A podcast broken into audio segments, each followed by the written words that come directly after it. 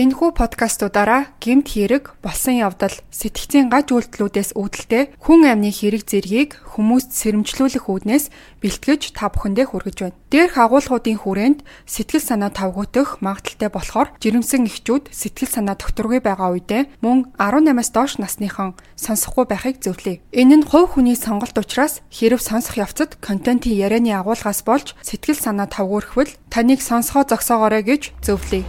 Crime Station Podcast.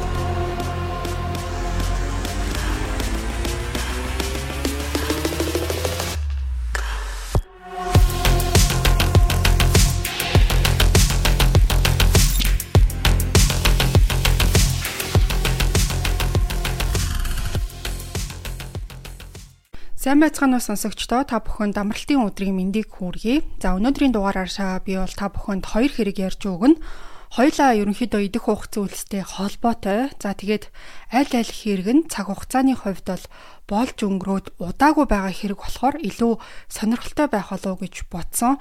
За эхний хэргийн тухайд гэх юм бол энэ онд Австрали улсад болсон нэг маш хачирхалтай хэрэг байгаа. Зарим сонсогчд маань магадгүй энэ хэргийн талаар мэрсээр сонссон байх. Миний хувьд нэлээд хідэн гимт хэрэг ярьдаг YouTube рууд энэ хэргийг задлж ярьсан байсныг харсан болохоор тэгээ бас болж өгвөл сүүлийн үед дэлхийн хаа нэгтээ болсон хэрэгүүдийг ярьж хүргэхийг хичээдэг болохоор өнөөдрийн дугаараар дэлхий дээрх хамгийн хортойд тооцогддог мөөгөөр хуучин нөхрөө болон нөхрийнхөө ээж аавыг хордуулж амьд нь хүрсэн байж болзошгүй гэж олон нийт хаардж байгаа нэлээд яригтай хэргийг одоо эхний хэрэгээр ярьж өгөхөөр бэлдсэн байгаа. За тэгэхээр эхний эргэлүүгээ хамтдаа орцгоё. За энэхүү гэмт хэргийг үйлдсэн байх магадлалтай эмэгтэйг Aaron Patterson гэдэг 49 настай Victoria гэд Мельбурноос 130 км-ийн зайтай орших нэг тийм жижиг хотод амьдардаг. За энэхүү хот маань бол 6000 гаруй оршин суугчдтай. За түүний одоо Aaron гэх эмэгтэй экс нөхрийг нь Simon Patterson гэдэг юм байна. А тэд бол дундаасаа хоёр хүүхэдтэй. За энэ хоёр бол хэдийгээр салсан ч гэсэн хоорондоо маш ив найрамдалтай харьцаатай байдаг. Ямар сандаа одоо салсан нөхрийнхөө эцэг ихтэй нь хүртэл таагүй харилцаатай байхыг хүсээгүй юу? Тэднийг ямартаач гэртээ одоо өдийн хоолнд ураад сайхан амттай хоолоор дайлаад хамтдаа ярилцаж суухаар шийдсэн юм. За ингээд 7 сарын 29-ний өдөр тэр бол гэртээ тэднийг урьсан байгаа.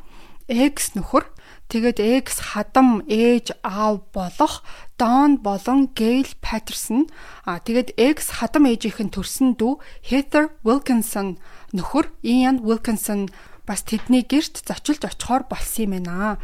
За Erin-ий ex нөхөр нь бол тэр өдөр очиж амжихааргүй болсон. Хоёр хүүхдээ дагуулж яваад кино үзнэгээд хилцэн байсан болохоор бусад дөрөв нь тэднийх рүү явсан юм байна. За ингээд Erin-ий гэрт түүнээс гадна бол нийт дөрвөн хүн очсон.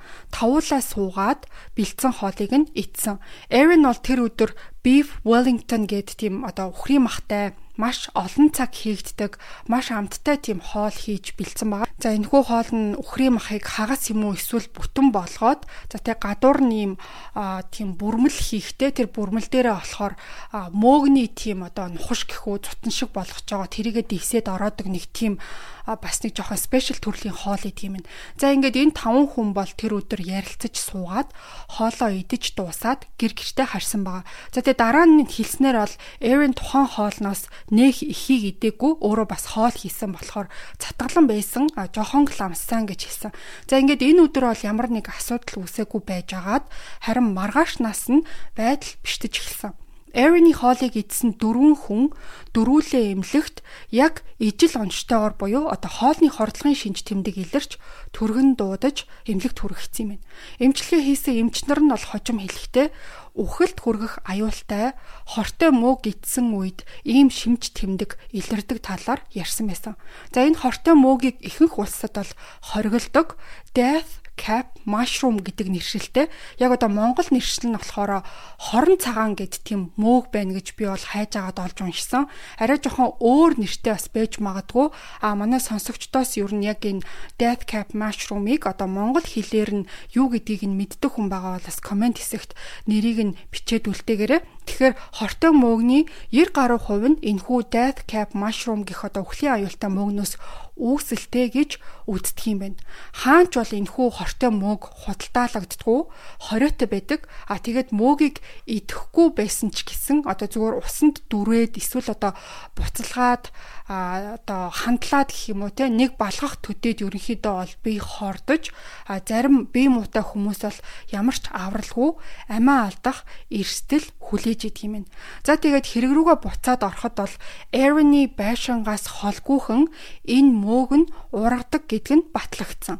Хордлогонд орсон дөрвөн хүний хоёр эмэгтэй нь буюу одоо нөгөө X хадам ээж нь 70 настай да харин түүний дүү болох Heather 66 наснда 8 сарын 4-ний өдөр эмнэлэгт байх үеэрээ харамсалтай нь амиа алдсан юм.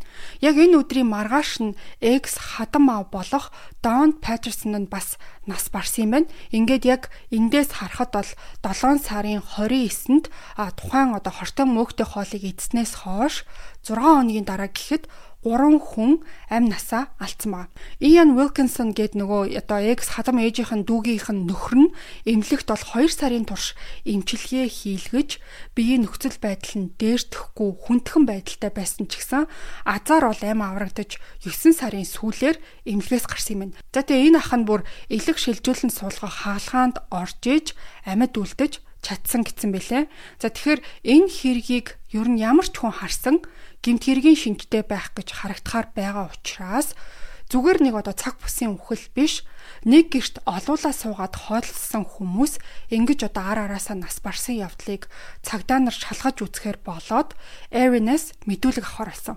Ингээд эрүүгийн гемт хэргийн тасхийн хүн амны гемт хэрэгтэй тэмцэх хилцээ мөрдөгчд түүнтэй уулзаж ярилцсан боловч а түүнийг бол эхний уулзалтаар ямар нэг нотлох баримтгүй мөн одоо баривчилж хорих үндслэлгүй байсан болохоор тэгээд яаж чадаагүй буцаасан юм. Гисэн хідээч 8 сарын 7-ны өдөр олон нийтийн сувгаар бол энэ хэргийн талаар ярихдаа Эринийг сэжигтэн гэж үзэж байгаа гэдгээ зарласан. За тухайн өдөр бол хоол хийсэн хүн нь Эрин тэгээд ч өөрөө биш урьсан хүмүүсийнх нь 3 8 алдсан байсан болохоор сэжигтэн гэж үзэж байгаа ч гисэн бас одоо Эринийг сайн наривчлан шалгаж ийж дараа нь баривчлах үгүйгээ шийдэхгүй бол хүнийг одоо гүтгээд алдаа гаргаад гимгүү хүнийг хэрэгт унгахгүй гэсэн зүйлч яригдчихсэн маа. Энэ хэрэг шууд шийдэгдэж чадахгүй маш яригтэй зүйл гэдэг нь бол удахгүй олон дийл болсон. Яагаад гэх юм бол нэгдүгээрт тухайн мөөг Эрни гэрээ ойролцоо ургадаг гэхээр тэр өөрөө түүгээд хоолнд хийсэн гэж хартаж болохоор байгаа ч гэсэн хоёрдугаарт бол хэрвзээ хин нэгэн үл таних итгээд одоо нөө дэлгүүрт зарж исэн мөөгөн дунд нь хортой мөг хийснийг нь Aaron гэж эмэгтэй бол мэдхгүй хоолндоо хойлж хийгээд өгсөн байхыг ч өгөөсөхгүй гэж харсан маа. Мөг худалдаалдаг хүн ч гэсэн одоо юу гэдгийг хортой хоргууг нь ялахгүй холиод хийсэн байсан нь эцэстээ гурван хүний аминд хүрч нэг гимгүү эмхтэй ялт унгаах одоо том хүчин зүйл болох ч юм билүүгээд ерөнхийдөө бол толгой гашлахаар маш олон өнцгүүд гарч ирсэн ба. За ингэж байж итл Эрин олон нийтэд хэдхэн минутын яриа өгсөн нь телевизээр бол цацагдсан. Машинаасаа яг буугаад гэрлөөгөө орох гээд явж байхад нь одоо микрофон барьсан, камер барьсан хүмүүс очоод юм асуухад бол яг уу хөөх юм ингээл уйлал бүх болсон явдалд харамсаж байгаа талаар ярьж байгаа юм л та. Тэгээд тэдний одоо амиа алдсан явдалд харамсаж гин тэд нар ч одоо миний хүүхдүүдийн хайртай эмээ өвөн штэ. Би яаж ч утсан тэр хүмүүсийг алъя гэж бодож хоол хийж өгөөгүй. Манай экс хадам ээж миний хувьд яг л одоо төрсөн ээж шиг минь байсан. Миний ээж 4 жилийн өмнө насарсан. Тэр цагаас хойш надад үргэлж дотн хандаж бидний харилцаа ч гэсэн сайн байсан. Яаж ч утсан би тэдэнд буруу юм хийх шалтгаан байхгүй гэж ярьсан баг. За тэгээ сурвалжлагч түүнээс л та ямар хоол хийж өгсөн бэ? Та өөрөө тэр хоолноосоо идсэн үү? Мөөгийг хаанаас та авсан бэ гэсэн асуултанд тэр бол хариулаагүй гэрлүүгээ яваад орсон маа. За амиа алдсан 3 хүнд шинжилгээ хийгдэж Үнэхээр тэд бол хортой мөөгнөөс болж амиа алдсан гэдг нь ахин батлагдсан байгаа. Ингээд цааш мөрдлөг явуулсны эцэст бол гурван хүний амиа алдсан явдалд Эриныг буруутай гэж үзээд 2023 оны 11 сарын 2-ны өдөр түүнийг албан ёсоор баривчилсан. Дараа нь бол түүний гэрийг өнөрч нохоотой цагдаа нар очиж шалгахад гэрте байдаг ногоо болон одоо нэг тийм жимс хатаагч машиныг тэр гэрийнхээ ойролцоо хогийн цэг дээр аваачиж хайсан байсан гэсэн нэг асуудал дахиад сөхөгдөж бол гарч ирсэн. Ингээд ямартаа ч тэр баригдаж хэрэг явдлын бүх буруу Эвен рүү зааж байгаа гэж одоогор харагдаж байгаа. Тухайн хоолнд уурсан өдөр Эвен хоол хийхдээ button mushroom буюу одоо тийм товчон мөөг гэж байд хэмээн тэрийг ашигласан мөн хятад ногооны дэлгүүрээс хатаасан мөөг худалдаж авсан гэдгээ хэлсэн. Америк, Австрал гэлтгүй ер нь бол дэлхийн хаа газар байх хятад ногооны дэлгүүрүүдээр ер нь бусад өөр ямар ч одоо газраас олддоггүй тийм нарийн төрлийн ногоог авч болдог гэдгийг бол бид мэддэг. Эвэний хатаасан мөөг худалдаж авсан гэх хятад ногооны дэлгүүр дээр цагдаа нар очиход худалдагч хүмүүс нь ямар ч хүн одоо хорцсон ч гэдэм үү эсвэл ямар нэг гомдол мэдүүлсэн зүйл огт байхгүй. Тэр эмэгтэй чухам хаанаас хортой мууг авсныг бид мэдэхгүй байна гэх зүйлийг ярьсан байсан. За энэс гадна бол Aaron хэлэхдээ би хүүхдүүдтэй ч гэсэн тэр мөөгөөр хоол хийж өгсөн, шүл хийсэн. Гэхдээ мөөгийг нь бол шүлнөөс нь аваад уулгасан. Юусоо идүүлээгүй. Манай хүүхдүүд угаасаа мөөг идэх дургүй гэж хэлсэн юм лээ. За харин дараа нь бол Эроны хөршийн нэг хүн хэлэхдээ тэр хортой хоргүй мөөгийг бол маш сайн ялгаж чаддаг. Энэ тал дээрээ ер нь бол маш тийм туршлагатай болохоор санаандгүй байдлаар хортой мөөг түүгээд тэрүүгээрээ хоол хийх бараг боломжгүй гэж боцноо хэлсэн. Иннээс гадна 10 сарын 30-ны өдөр Aaron өөрийнхөө хамгийн дотны сайн хідэн найзуудаа гэртээ дуудаад хамтдаа оройг зугаацаж өнгөрүүлсэн өөрийгөө одоо удахгүй баригдана гэдгээ мэдсэн болохоор ийм маягаар салах ёс гүйцэтгэж байгаа юм шиг байсан гэж бас нэг хөршин ярьсан баг. Эвенийг яллах талаас гаргаж ирсэн бас нэг санаанд ормооргүй мэдээлэл нь юу байсан гэхээр тэр олвол X нөхрөө 2021 оны 11 сараас эхлээд дөрвөн удаа алхахыг завдсан гэсэн зүйлийг дэлгсэн Саймон бүр эмнэлэгт хүртэл хөвтөж ходооттой холбоотой хүндрэлүүд түүнд үүсчихсэн талаар мэдэгдсэн юм. Тэгснээ бүр 23 оны 5 сард нь таталт өгөөд ухаан алдаж унаад оншин тогтоогдоогүй ходоод гидсний асуудлаас болоод 21 хоног эрчим дэмжлэгээний тасагт хэвтэж эмчлүүлж исэн юм байна. А тэгээд тухайн 21 хоногийнхоо 16 хоногт нь комын байдалтай байсан. А тэгээд Саймоны гэр бүлийнхэн бол одоо ингээд хүүгээ ерөнхийдөө тэр чигт нь алдж байна. Эмнэлгийн зүгээс одоо Саймонтай салах ёс гүйцэтгэрэй гэж хүртэл хэлж исэн юм байлаа. Ингээд хүний аминд хүрсэн тэр өдрийн хоолыг тооцох юм бол Эрин үндсэндээ нийт дөрвөн удаа Саймоныг алахыг завцаан гэж үцхээр болчихоо. За ингээд энэ бүхэн санамсаргүй зүйл байсан гэж арай гэгээлгээр харж үзье гэж ботсон ч гисэн ойр ойрхон зайтай хоолны хордлохонд орохоор ходоод гидс муутай эсвэл үнэхээр 3 удаа азгүйтэд хоолнд хордох гэхээр ер нь бол жоохон бодит байдалтай арай авцалтаагүй юм шиг санагдахаар байгаа. За тэгээд энэ Aaron гэх эмэгтэй бол сүулт нь бүр өөрийнх нь эцэг их хүртэл хорт хавдраар нас барсан гэж одоо ярьдагч гэсэн яг үнэндээ юу болоод амиа алдсан гэдэг нь огт тодорхойгүй эцэг эх нь нас барсны дараа бол тэр эзэмшлийн одоо нэлээд хитэн одоо үнд хүрэх үл хөдлөлийг нь зарад нэлээд хэдэн сая долларын хөрөнгөтэй болсон гэх асуудалч дахиж сөхөгдөж гарч ирсэн байна. Ингээд түүний хэрэг чухам яаж шийдэгдэх үү гэдэг дээр нөхрөөс нь авах шинжилгээ гол хөшүүрэг болно гэсэн байсан. Одоогор бол түүний эцсийн шатны шүүх хурал болоогүй ongoing case гэсэн тайлбартай байгаа юм лээ. Тэгээ энэ хэрэг дээр бол чухам одоо салсан нөхрийнхөө эцэг эхийг нь тэгээд нөхрийн одоо авгын талын гэрийнхнийг хоолнд урина гэдэг нь жоохон сонирч юм шиг санагдахаар байсан. Зарим мэдээлэл дээр бол X хадмууттайгаа одоо багахан тийм үл ойлголцох асуудал үүсээд тэгээ амхандаа харилцаагаа эрүүл цааш нь авч үлдгээд хүүхдийнх нь эмээ өвөө юм чинь эвтэй найртай баяа гэж бодоод хоолнд урьсан гэж ярьсан байсан. Гэхдээ энэ ч гэсэн ер нь бол жоохон асуудалтай санагцсан. За ингээд зэрлэг мөөг буюу бидний одоо хамгийн сайн ярьж заншснаар хортой мөөгөнд хортож амнасаа алдсан хэргийн тухайд одоогор авсан мэдээлэл маань ерөнхийдөө юм байна. Тухайн death cap mushroom гих нэршилтэй хортой мөөг нь одоо эзсний дараагийн 8-аас 12 цагийн туршид бол ямар нэг гаж нөлөө огт үзүүлэхгүй байжгаад харин 12 цаг өнгөрсний дараачаас эхлээд бөөлжөх гүүлгэх, шингээ алдах зэрэг шинж тэмдэг илэрч би энэ бол огцом сулдиж муудаад эцэст нь элэг болон бөөрийн үйл ажиллагаанд доголдол үүснээр хүнийг шууд үхэлд хүргэдэг аюултай гэсэн байсан. Та бүхэнд зургийг нь нас давхар харуулж байгаа болохоор бас одоо хараад таниад авахд илүү төхгүй байхаа гэж бодож байна. Aaron Patterson гэх эмэгтэй бол үнэхээр санаатаагаар хүний аим хөнөөсөн гэдгийг баталж нотлох зүйлсийг яллах тал бол цоглуулж чадах юм бол тэр бол 3 хүний хүн амны хэрэг болон 5 удаагийн хүний амийг хөнөөхийг завдсан гэсэн зүйл ангаар ял авч тэр бүхнээ өөрөх болж байгаа юм билээ. Харин нотлох баримт хангалтгүй мөн үнэхээр санамсаргүй байдлаар амнасаа алдсан байх юм бол тэр мэдээж суллагдана За ингээд Aaron Patterson гэх эмэгтэйн үйлдэлсэн байж болцсошгүй учир битүүлэг хэргийн хувьд гэх юм бол ийм байна. Энэ эмэгтэйн талаарх шүүхурлын мэдээлэл цацагтахаар нь та бүхэнд ахиж одоо текст хэлбэрээр юм уу эсвэл одоо лайв хийж дуулгах болно. За хэдүүлээ хоёр дахь хэрэг рүүгээ орцгоё. За тэгэхээр энэ болсон явдал бусад хэрэгүүдийг бодвол нэлээд учир битүүлэг 27 настай Фернандо гэх энгийн 50 амьдралтай эмэгтэй нэг зүнч хүнтэй таарад а тэгээд тухайн хүн түүнийг болвол удахгүй амиа алднаа гэсэн зүйл ярьсан маа.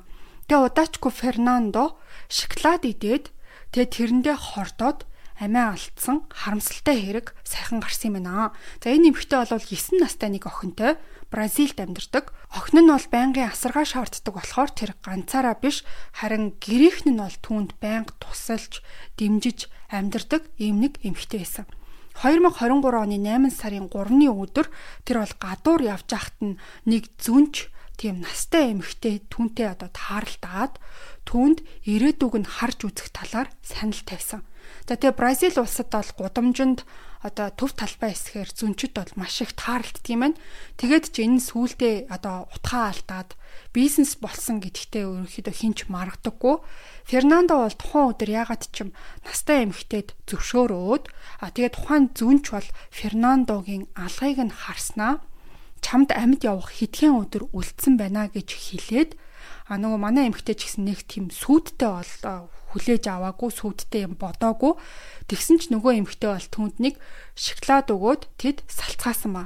За ингээд тэр гэрте харих замдаа юу ч бодлогүй нөгөө шоколадыг нь идээд явсан.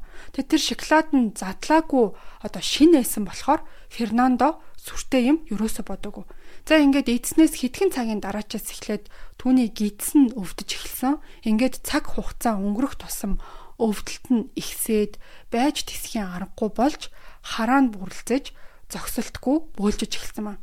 Фернандо бол ходоодны шархтай бас одоо сарс бүрхөвчний өрөвсөл гэсэн тийм онцтой байсан болохоор эхэндээ энийг бол хордлого авчлаа, хортчлоо гэж юусоо бодог байгаа. Тэгээ гэрийн лүгэ болсон бүх процессыг нэг бүрчлэн тэр бол битсэн. Зүрхний хим нь хурцсаад бас аманд нь маш тийм гашуун зүйл амтагдаад хараа нь бүрлдэж байгаа талаараа нэмж битсэн байсан. Мөн тэр бол хөгшин зүнч эмхтэн хэлсэн зүйл а тэгээ өгсөн шоколадны талаарч гэрийнхэндээ хэлсэн. Тэгээ удахгүй би бурхантай уулзах юм шиг байна гэж бол Фернандо битсэн байгаа. Ингээд ийм текст мессеж гэр бүлийнхээ гишүүн хүнээс хүлээж авна гэдэг үнэхээр аимшигтай санагдсан нь мэдээж. А тэгээд мэдээлэл авсан даруйдаа бол гэрийнх нь түргэн дуудаад түүнийг эмнэлэгт хүргэсэн боловч биеийн байдал нь огт дээрдэггүй улам мууцаар байсан юм. Нэг үгээр хэлэх юм бол бүх зүйл хитрхи оройтсан байсан. Амнаас нь хөөс сахраад, хамарнаас нь тус гараад тогтохгүй байсаар агаад яг дараах өдөр нь буюу 8 сарын 4-ний өдөр тэр амьсгал хураасан. За тэгээд энэ болсон үйл явдал дээр ашгүй цагдаа нар оролцож шалхахаар болсон юм байна. Гинтийн гимээр амиа алдсан 27 настай Фернандод задлан шинжилгээ хийгдэж тухайн шинжилгээний хариу нь 2 сарын дараа гарсан хохирогчийн биед сульфотеп тербуфос гих пестицид их хэмжээгээр агуулгадж задлан шинжилгээний био дээж дээр хийсэн хор судлалын тайланд нь дурдсан байсан юм байна. Энэ дурдгдсан бодисууд нь тухайн Бразил улсад хөдөө аж ахуй, мал аж ахуйн одоо ханган нийлүүлэлтийн яамнаас зохицуулагддаг тийм тусгай бодисч гисэн бараг л одоо хэн болгонд амархан олдчдаг бусад хорт бодисуудыг бодох юм бол олдохгүй зовлон гэж байхгүй түгээмэл гэж хэлж болохоор а тийм бодис гэсэн бэлээ. Тэгээ энэхүү бодисоор бол сүүлийн үед хин нэгнийг хордуулахад их ашиглах болсон гэж бичсэн бэлээ. Уг нь бол зохицуулттай байх ёстой бодисыг ингээд одоо хинч хамаагүй түгээмэл ашиглаад байгаа нь эцэстээ бол хин нэгний аминд хүрэх аюултай хүчин зүйл болчихсон. Цагдаа нар Фернандогийн хэргийг хүн амны хэрэг гэж бүртгэж аваад за төв талбай хавар байсан гэх тухайн одоо хөгшин зүн чимэгтэйг олох ажлыг эхлүүлсэн байгаа ч гэсэн харамсалтай нь одоогоор таниж олж чадаагүй байгаа гэсэн бэлээ. Фернандогийн гэр бүлийнхэн түүнд тохиолдсон явдалд бол мэдээж гүн шоконд орсон. Чухам яагаад энэ хэрэг үйлдэгдэх болсон гэдгийг ойлгож чадахгүй хин нэгэн зүнч хүн явж очоод хортой шоколад өгөөд санаатаагаар хүний аминд хүрээд тэг бүр чамд амьдрах хэдхэн хоног үлдсэн байна гэж хэлэх нь яг одоо ямар учиртай байсан дээр маш их гайхширч гүн цочролт гэрийнх нь орсон хин нэгэн санаатаагаар түүнийг хорлохыг хүсээд зөнч хүн болж түн рүү тэр одоо настай эмэгтэйг явуулж эцэст нь Фернандо амиа алдсан уу гэх асуулт ч гэсэн гарч ирсэн боловч харамсалтай нь одоо хүртэл энэ асуултанд хариулт олж чадаагүй байгаа юм. Түүнийг нас барахаас хэдхэн сарын өмнө Бразил улсад бас л одоо саяных шиг хортой шоколад идэж амиа алдсан хэрэг бас гарсан юм билэ. Хит хитэн удаа танихгүй дугаараас дуудлага нэг эмэгтэйд ирээд тухайн эмэгтэй бол энэ бүхнийг нэг их зүйлд бодоогүй ч гэсэн хинээс авсан мэдэгдэхгүй нэг шоколад эцснийхээ дараачаас тухайн эмэгтэй бол хордож амиа алдаж бас л одоо гимт итгээд нь олдохгүй өдийг хүрсэн юм байна. Энэ хоёр эмэгтэй хэрэг хоорондоо холбоотой өгөөг нь ч гэсэн цагдаа нар одоогор мэдэхгүй байгаа гэсэн бэлээ. Ер нь одоо багаас л бид нарт ингээд эцэг гэхийн зүгээс танихгүй хүнээс чихэр авч болохгүй шүү. Танихгүй хүний үгэнд битгий ороорой гэж хэлдэг байсан ч гэсэн одоо нас биеинд хүрсэн хүнд хин нэгэн танихгүй хүн шоколад бэлгэлэхэд а тэгээ тэр шоколад нь одоо огт задлаагүй шин юм шиг санагдах юм бол хинч баг юу ч бодохгүй итгэн нэг бодлын бас аргагүй бах угаасаа хор өгч гэнэ гэж бодоогүй болохоор л тухайн зүйлийг идээд эцэст нь хорцсон гэдэг нь ойлгомжтой харагдчихэв. За ингээд 9 настай хөгжлийн бэрхшээлтэй охинтой байсан Фернандо гэх эмэгтэй бол маш хачирхалтай харамсалтай байдлаар амнасаа алдсан хэрэг саяхан гараад ингээд шалгагдаад явж байгаа юм байна. Ямар ч тач энэ удаагийн дугаараар идэх зүйлээс болж хордож амиа алдсан гих саяхан болсон хоёр хэргийн талаар та бүхэнд мэдээлэл бэлдэж хүргэлээ. За эхний хэргийг бол та бүхэнд chapter гих YouTube суугаас орчуулж та бүхэнд хүргэсэн бол хоёр дахь хэргийн их сурвалжийг New York Post гэд вебсайт дээрээс эмхлээд ойлгомжтой байхаар бэлдэж хүргэлээ. За ингээд энэ удаагийн подкаст маань энэ хүрээд өндөрлөх боллоо. Энэ удаагийн дугаараар нэгч болтгой зүйлийг нэмж мэдэж авсан гэдэгт бол итгэлтэй байна гадаа маш хүүтэрч байгаа болохоор та бүхэн зузаан хувцлаарай. Бас баяр ёслолоо сайхан тэмдэглээрэй. За ингээд он дуусахаас өмнө бол манай сувгийн зүгээс та бүхэн дахиад 2 дугаар хүрэх болно. Ингээд өнөөдрийн дугаарыг дуустал нь сонссон бүх сонсогчдод баярлалаа. Эх 7 хоногийн 2 дахь өдрийн дугаараар эргэн уулзлаа. Түр баяртай сонсогчдоо.